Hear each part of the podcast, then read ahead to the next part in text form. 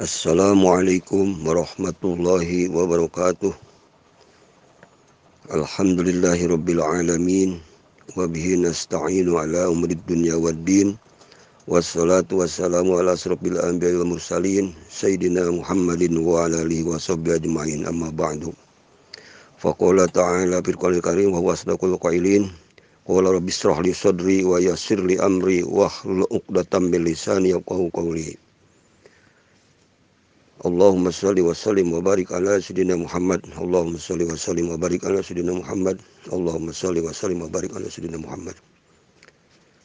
Pertama-tama mari kita panjatkan puji syukur kehadirat Allah bahwa pada kesempatan pagi hari ini kita masih tetap bisa melaksanakan kewajiban kita selaku abdi Allah di mana kita di hari ini, di pagi ini kita beraktivitas untuk tetap mendekatkan diri kepada Allah Subhanahu wa taala.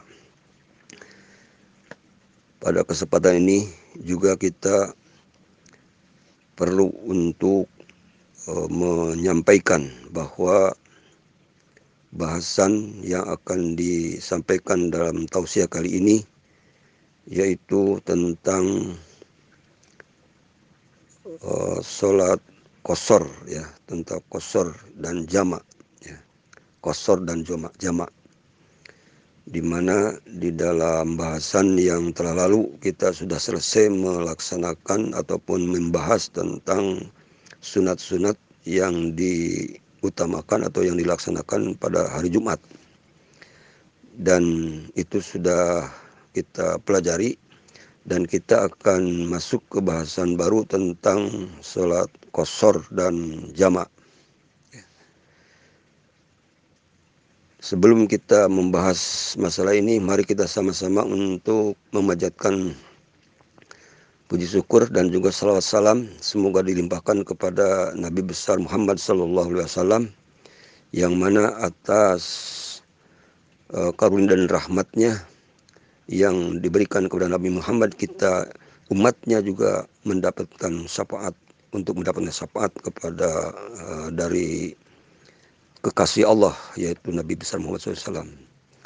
Di hari yang mulia ini, di hari kelahiran Nabi Muhammad SAW, kita niatkan bahwa tausiah kali ini adalah berniat untuk mengagungkan uh, kelahiran Nabi besar Muhammad Sallallahu Alaihi Wasallam Mudah-mudahan kita dijadikan uh, atau mendapatkan syafaat dari Nabi Muhammad SAW di hari kiamat. Amin ya Allah ya Rabbal Alamin.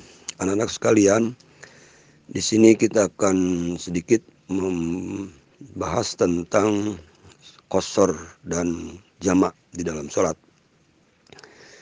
Dikatakan dalam keterangan wa ya, ya juzu limusafirin saparon tawilan kosrurun ba'iyatan muaddatin wa fa'iat wa fa'itatin saparin kosrin pihi wa jami'ul asrain wal maghribain takriman wa takhiran. Bipiroki surin khosin bibaladin saparin wa in wa anih taro wa anih tawa ala hozabin wa muzain walau jami'a kor yatain. Pala yustarotu mujawazatuhu balikulli hikmatin. Anak-anak sekalian, di sini kita akan sedikit menjelaskan yang berkaitan dengan sholat jamak kosor, di mana sholat jamak kosor dikatakan di sini yaitu bahwa musafir dengan perjalanan jauh kurang lebih 90 km itu boleh mengkosor sholat rubaiyatun yaitu sholat yang rakaatnya empat baik adaan ada maupun kodok dalam perjalanan di mana dia boleh kosor sholat. Nah di sini kosornya sholat di sini syaratnya itu adalah harus perjalanan yang marhalatain. Marhalatain itu e, dua malam ya, dua kali dua mengalami ataupun dua malam itu uh, perjalanan yang diukur dengan 90 kilo, ya, 90 kilometer.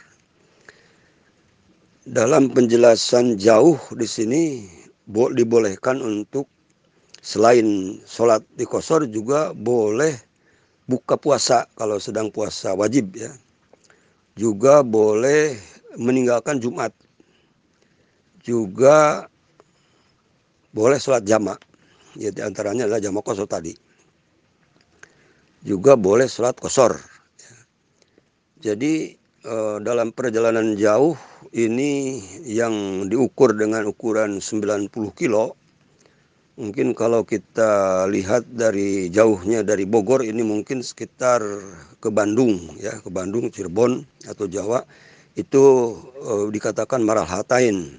Walaupun dengan kendaraan yang zaman modern sekarang itu bisa tiga jam, 4 jam nyampe ke tempat tujuan tetapi tetap itu ukurannya ukuran 90 kilo boleh dikosor, boleh jamak kosor ya.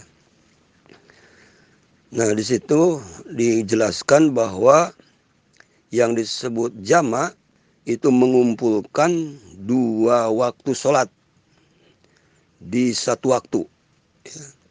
Misalnya zuhur e, dan asar, maghrib dan isya. Jadi zuhur dan asar, maghrib dan isya. Sedangkan subuh itu tidak bisa di e, apa itu di kosor ataupun di jamaah. Kemudian kalau kita lihat dari eh, pelaksanaan sholat jamaah kosor, ini sholat yang lima waktu itu terbagi ke dalam tiga bagian. Pertama adalah jamaah kosor, zuhur, asar, dan isya. Itu bisa dijama, bisa dikosor. Kemudian hanya jamak saja, yaitu maghrib. Jadi maghrib itu karena tiga rakaat jadi eh, tidak bisa di eh, ya, tidak bisa dikosor ya. Makanya ketika melaksanakan sholat jamak kalau misalnya dengan sholat isya itu maghribnya tetap tiga asar bisa dikosor bisa dua ya. jadi tidak boleh jadi maghrib itu tidak boleh jamak ya. dan juga tidak boleh kosor itu di antara sholat subuh juga sebab sholat subuh tetap hanya dua ya. jadi dua tidak bisa sholat hanya satu rakaat ya. jadi witir masuknya ya. jadi sholat subuh tetap dilaksanakan di waktu subuh dan tetap dua rakaat Jama itu terbagi dua ya, Jama takdim dan jama takhir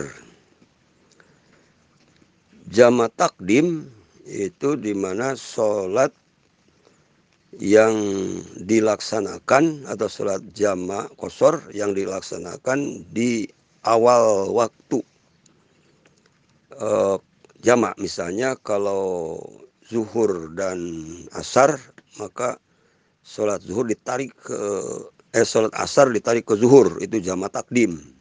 Ya. sedangkan kalau sholat jama takhir yaitu sholat asar ditarik eh sholat zuhur ditarik ke asar. Itu jamaah takhir ya. di mana jamaah takdim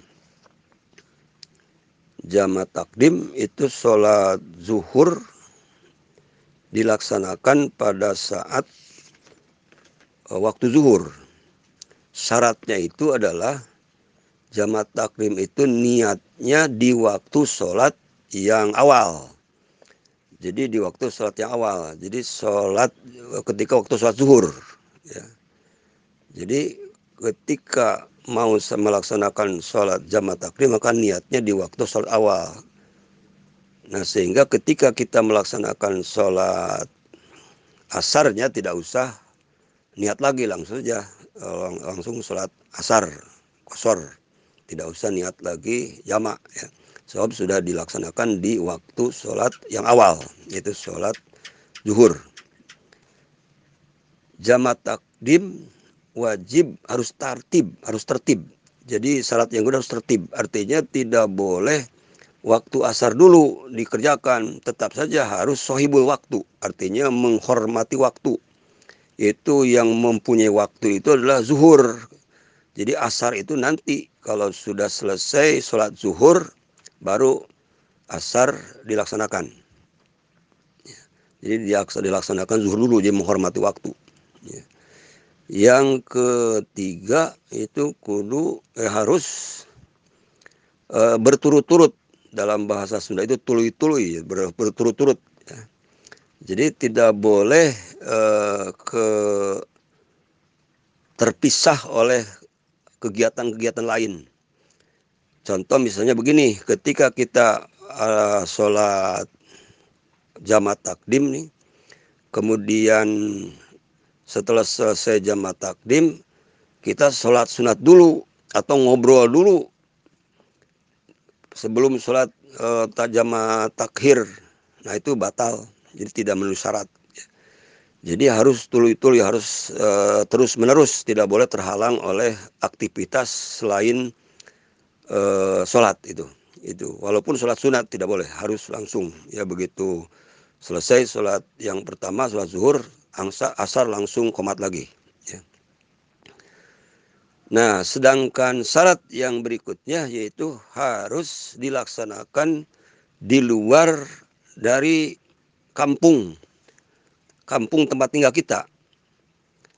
Kalau misalnya kampungnya di Cibedug, itu harus keluar dari Cibedug. Berarti Caringin, daerah Caringin sudah bisa itu. Uh, misalnya kita mau berangkat nih, mau berangkat jarah ke suatu tempat ataupun jarah ke orang tua di Surabaya misalnya. Nah kemudian kita kebetulan jam setengah 12, jam 12 itu pas zuhur itu uh, baru sampai di Caringin, Gugunung misalnya, atau Ciawi. Nah itu boleh itu dilaksanakan.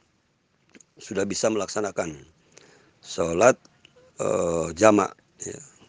Karena kita sudah niatkan mau berangkat jauh. Nah sehingga kita boleh melaksanakan. Pokoknya syaratnya harus di luar dari kampung kita, tempat tinggal kita sehari-hari. Ya. Nah itulah yang berkaitan dengan e, jama takdim. Ya. Dan untuk jamaah akhir nanti kita akan bahas lebih jauh di pertemuan yang akan datang. Dan untuk pertemuan kali ini kita cukupkan sekian dulu ya. Dan terima kasih atas perhatiannya. Bila itu wadayah. Wassalamualaikum warahmatullahi wabarakatuh.